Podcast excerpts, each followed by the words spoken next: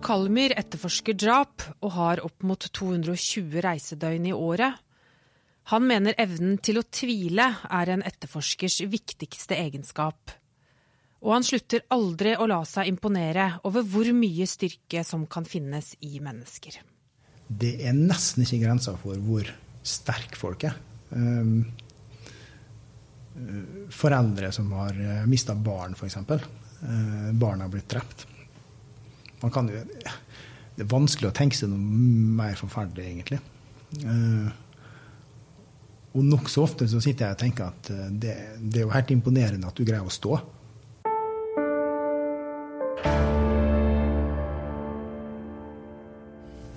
Husker du den første drapssaken du rykka ut på? Ja, det husker jeg veldig godt. Um, da hadde jeg jobba her i to uker, tror jeg. Cirka. Um, som etterforsker, da. Og um, da ble jeg og en kollega sendt uh, ut til Asker og Bærum uh, i Sandvika i forbindelse med uh, Faiza-saken. Um, Faiza Ashraf, som nå var, var borte. Um, og det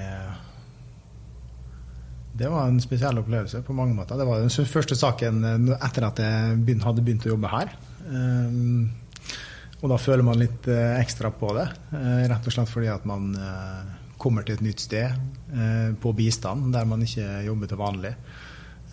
Som representant for, fra Kripos.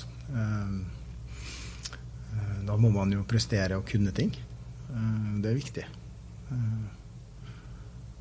Og ja, masse presse og i det hele tatt.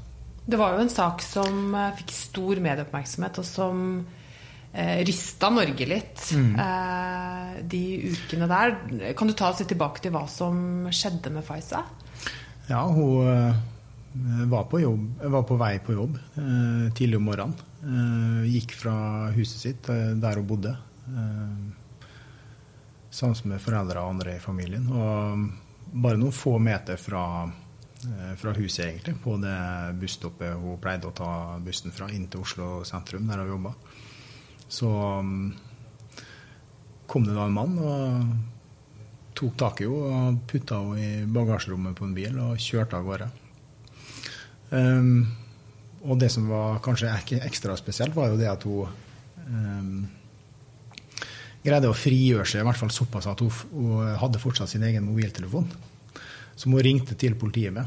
Um, og det er en samtale som mens denne bilen kjører av gårde, og hun ligger i bagasjerommet og prater med politiet. Og prøver å svare på de spørsmålene å forklare hva som har skjedd.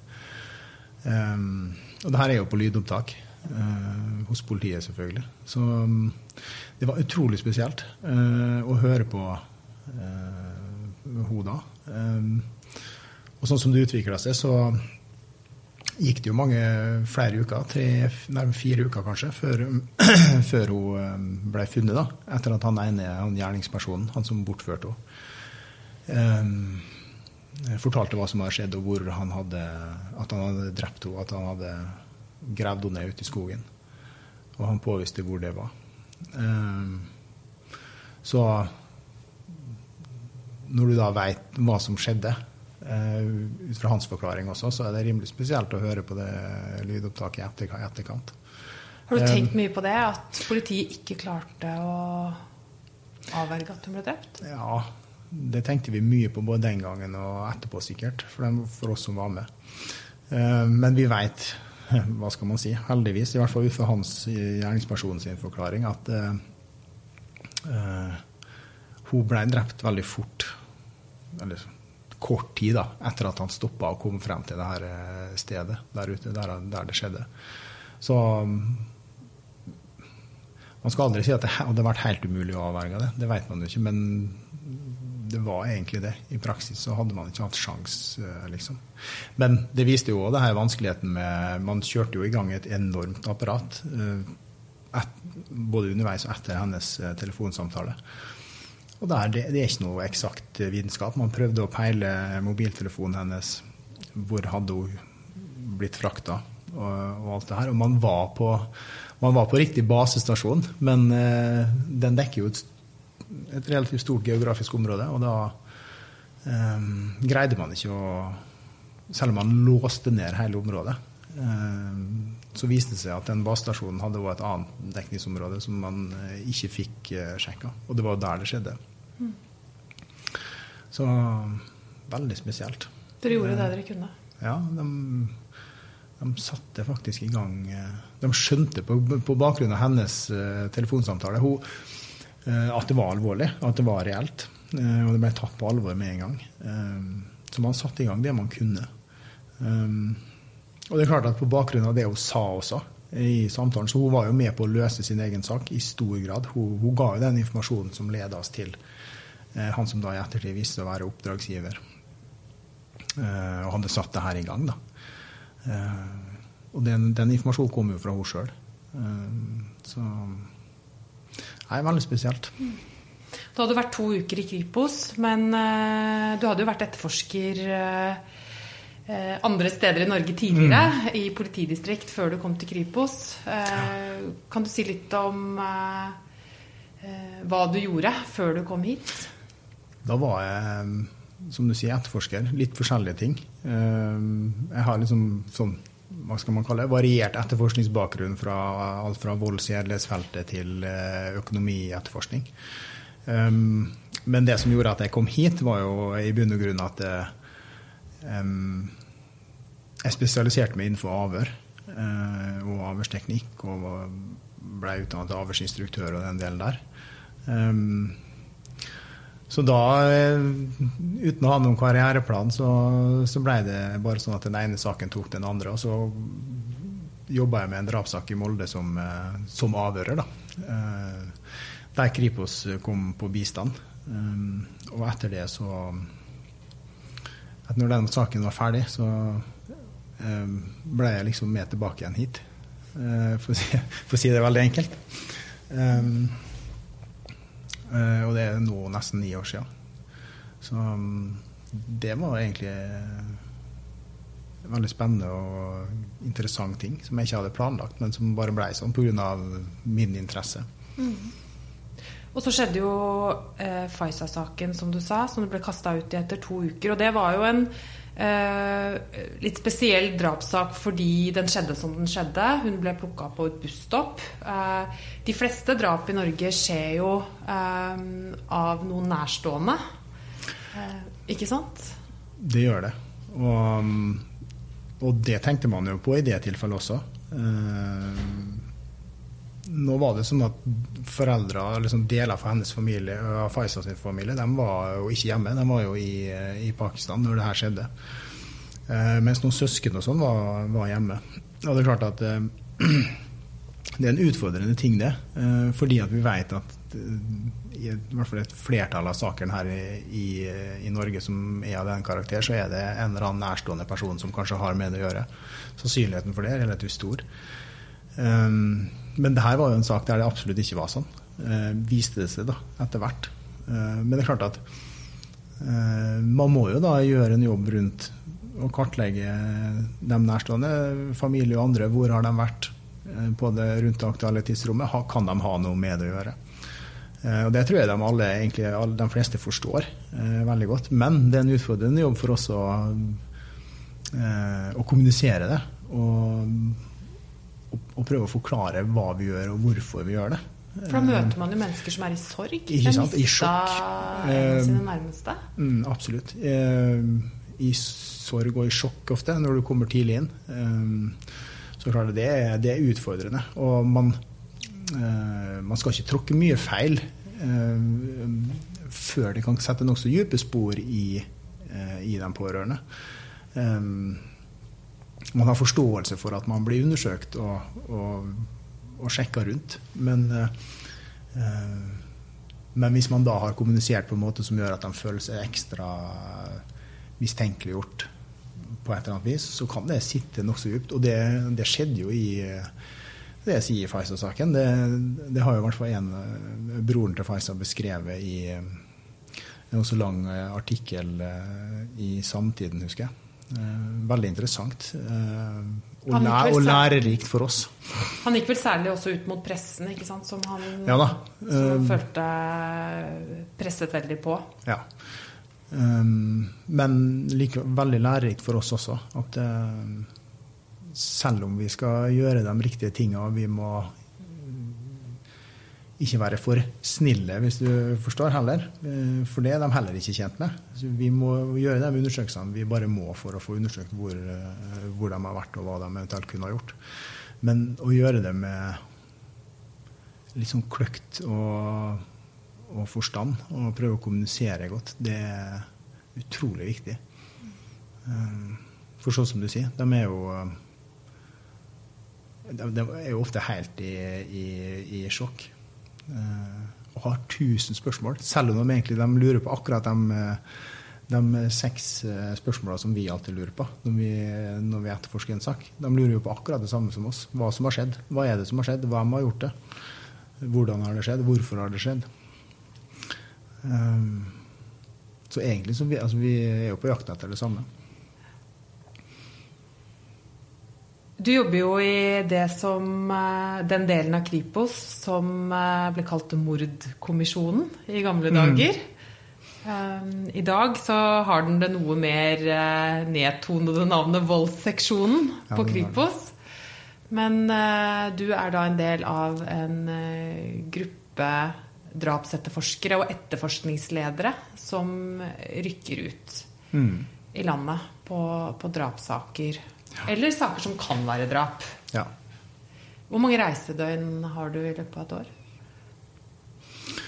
Um, det varierer litt, avhengig litt hvor du, hvilke saker du har, selvfølgelig. Men en plass mellom 150 eh, og 220. Så det er mye reising. Um, jeg pleier å si på fleip at det er skilandslaget neste, liksom. Det, hvis du skal ha lyst til å reise enda litt til. Um, så man er mye borte. Eh, herfra, fra Bryn, her vi egentlig har kontor. Eh, men så får vi sett mye av Politi-Norge, eh, fra sør til nord. Og det er jo noe av det som gjør den jobben ekstra interessant og, og spennende, jeg, for min del i hvert fall. Politi-Norge er jo ikke større enn at du nesten uansett hvilket sted du kommer, så, så, kjenner du noen, eller så har du møtt noen fra før i en eller annen sammenheng. Um, så det er veldig spennende å se komme ut til folk, da. Vi er jo på litt, altså vi er på besøk eh, hos noen andre, og da stiller det noen krav til oss også. Eh, samtidig som det òg forplikter litt for dem som har bedt oss om å komme, selvfølgelig. Eh, men det er jo ofte vanskelige saker, alvorlige saker, som uansett er prioritert. Eh, men i bunn og grunn, det er jo det vi driver med, bistand. Og da er vi avhengig av å, av å skape godt samarbeid eh, med dem vi skal jobbe sammen med. For vi jobber jo med det Målet er jo å etterforske saken best mulig. Det er jo det som betyr noe. Men eh, ja, det er spennende. Ligger du mye våken om natta og tenker på liksom, hva blir neste steg, og hvordan skal vi eh, tilnærme oss den, sånn at vi kanskje kan få noe informasjon om det som skjedde den kvelden? Ligger du og tenker sånn? Jeg gjør ikke det i det hele tatt. jeg sover så godt om natta. Um, nei, jeg gjør faktisk ikke det. Altså. Og jeg har faktisk det gode å våkne på natta av mareritt eller uh, tanker rundt på den måten. Um, og had, jeg tror jeg, hvis jeg ikke hadde hatt den egenskapen, så tror jeg jeg hadde slitt litt, uh, faktisk. For det kan jo bli mye uh, i saker som pågår over tid, og som er veldig sånn intense. Eh, men jeg tror en annen årsak til det er at jeg sover veldig få timer om natta. Eh, så man tenker nok i våken eh, tilstand. For det er klart at når man er i en sånn innledende fase i en, i en drapsetterforskning, så det er nokså intensivt. Og i hvert fall når det går over dager og uker der f.eks. du ikke har du, du, kommer ikke, Det er drap med ukjent gjerningsmann, som vi kaller det. da der du ikke har noe mistenkt, det er krevende. Og det Da jobber man nokså mange timer i løpet av et døgn. Har ikke tid til å sove? Man må jo det. Men, og vi er jo pålagt Vi jobber jo ikke 24 timer i døgnet. Men det blir mye. Man man kan si at man har fri, men man, da har man egentlig ikke fri når man er våken. Da tenker man på det stort sett hele tida. Så du, du, er liksom Da er det 24-7. Uh, eh, uansett om du har formelt fri eller ikke. Um, ja. Og det handler jo litt om når du er på bistand også, når du er ute på et sted som du ikke har noe forhold til ellers. Um, du har jo verken tid eller lyst til å gå på hotellet uh, og sitte på hotellrommet fra klokka fire på ettermiddagen, liksom. Du, uh, altså, da må du bare jobbe eh, når du først er der, og få gjort så mye som mulig. Så, sånn sett så er det litt sånn Det er jo en livsstil. mye godt, da. Når du reiser og er så mye borte som vi er. Uh, ja, altomfattende. Når du da jobba intenst i en periode, så skjer det et gjennombrudd. Dere pågriper. Eh, og så hender det jo ganske ofte at gjerningspersonen etter en viss tid, eller tidlig eller sent, tilstår. Hvordan er den følelsen å bringe det budskapet til eh, de pårørende da? Um, ja, det er godt. Uh, for det er dem vi jobber for. Uh, altså sånn, Hvis du tenker motivasjon, da, for min egen del i hvert fall. Uh, og det har jeg mange kollegaer som, som sier det samme. At uh, vi gjør så godt vi kan for å gjøre jobben så kvalitetmessig så godt som mulig. Med tanke på at vi Alt det her skal vi i retten på et eller annet tidspunkt. Det er det på en måte det formelle. Men de svarene du søker, dem søker du for å um, De betyr aller mest for de pårørende. Eh, de er opptatt av de samme spørsmålene som eh, vi er. Eh, og ikke minst der hva har skjedd, hvorfor. Det er godt å kunne, kunne informere om det. Det kan ofte være veldig krevende, men det er noe som har slått meg i møte med mange pårørende, at det er nesten ikke grenser for hvor sterke folk er. Eh, foreldre som har eh, mista barn, f.eks. Barna barn har blitt drept. Man kan jo, det er vanskelig å tenke seg noe mer forferdelig, egentlig. Og nokså ofte så sitter jeg og tenker at det, det, er jo helt imponerende at du greier å stå.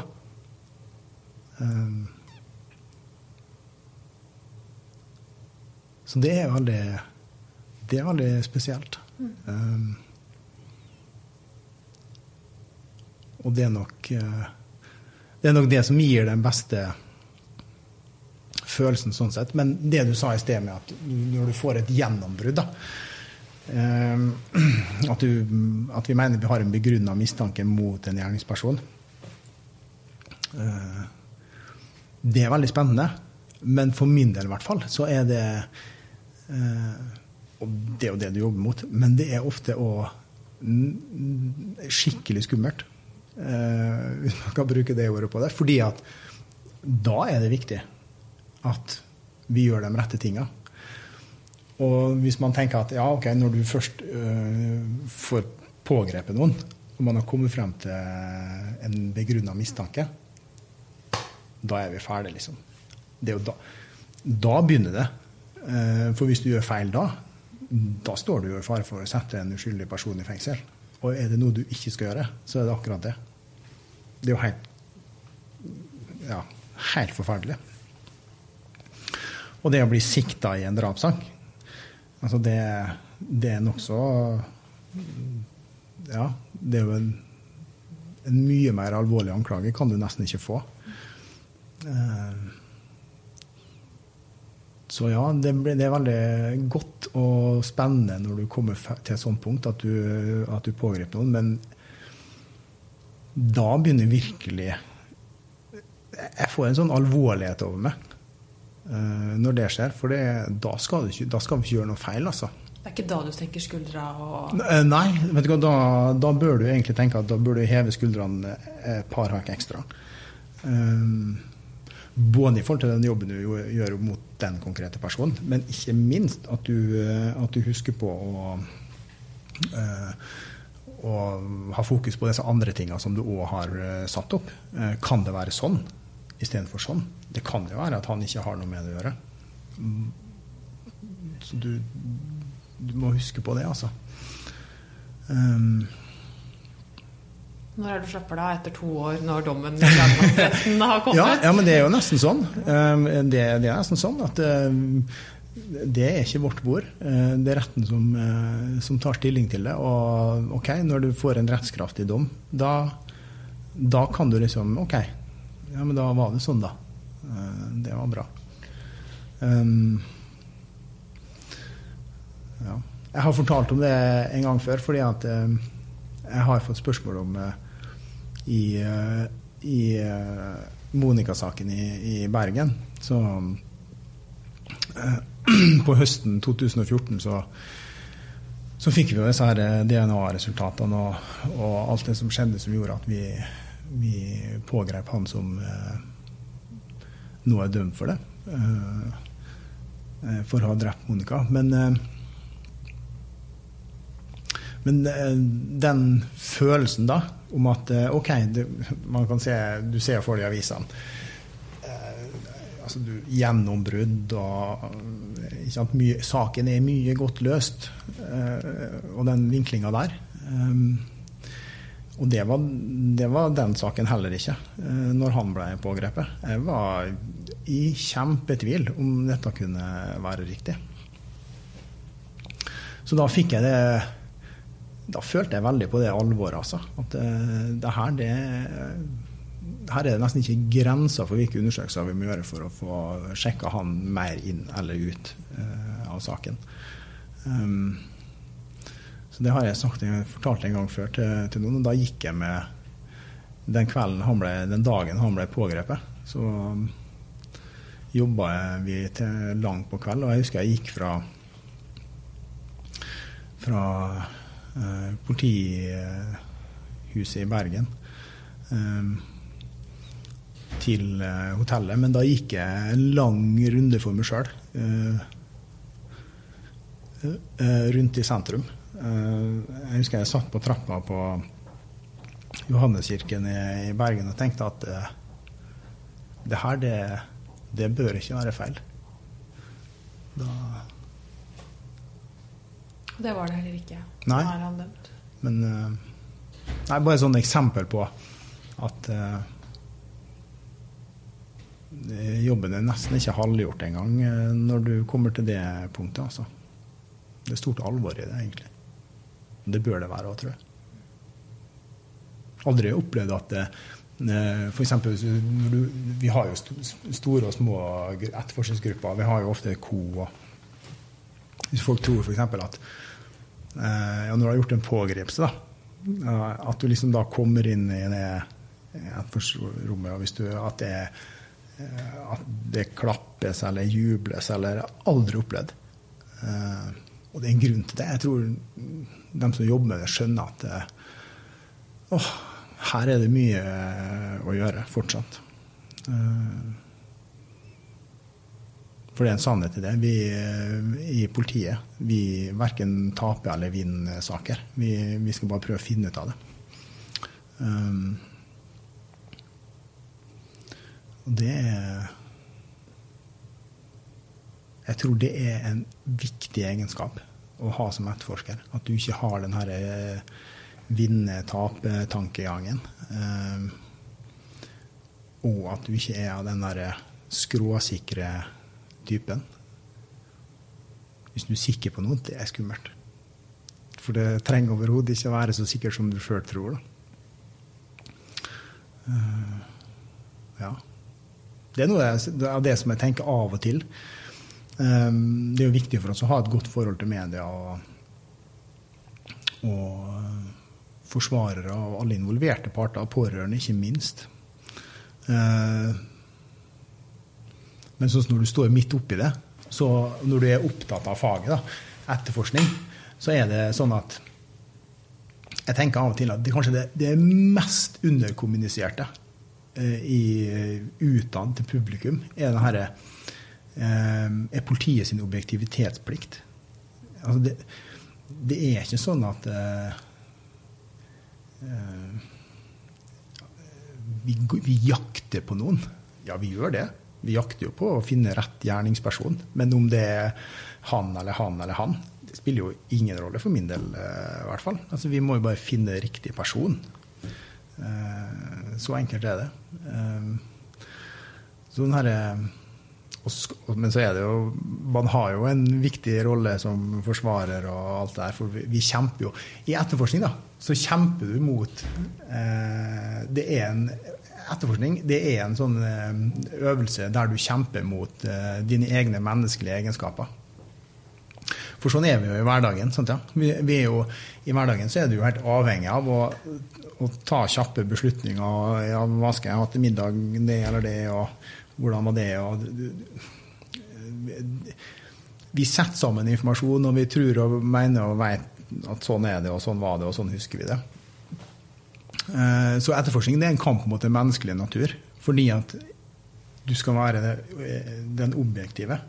Og hva er den objektive sannhet? Det er det jo skrevet mange tjukke bøker om.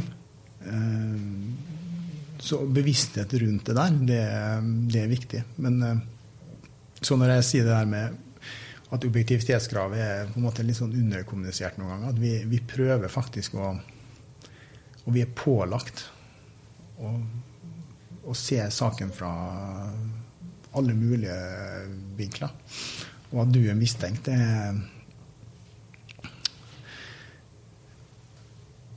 Og du sitter i avhør til meg og sier at 'ja, men jeg har ikke gjort det'. Nei, det er greit. Vet du hva? Jeg hører hva du sier. Jeg skal gjøre alt jeg kan for å bevise at du ikke har gjort det. Det er utgangspunktet. Og når du gjør det, og gjør alt du kan for å bevise at du ikke har gjort det, eh, så kan det jo hende, og det skjer jo da, at du sitter med den personen der du ikke får til det. Det går faktisk ikke an å bevise at du ikke har gjort det. I tillegg til at du har masse andre bevis som peker på at du har gjort det.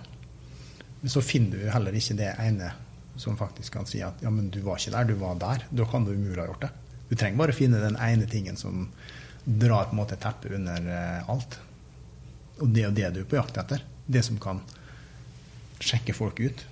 Men når du gjør det du kan, og du ikke finner det Du greier ikke å, å få vedkommende ut, og samtidig så bare Normalt sett, da, så, så, finner du en del ting, og alt viser at du har vært der.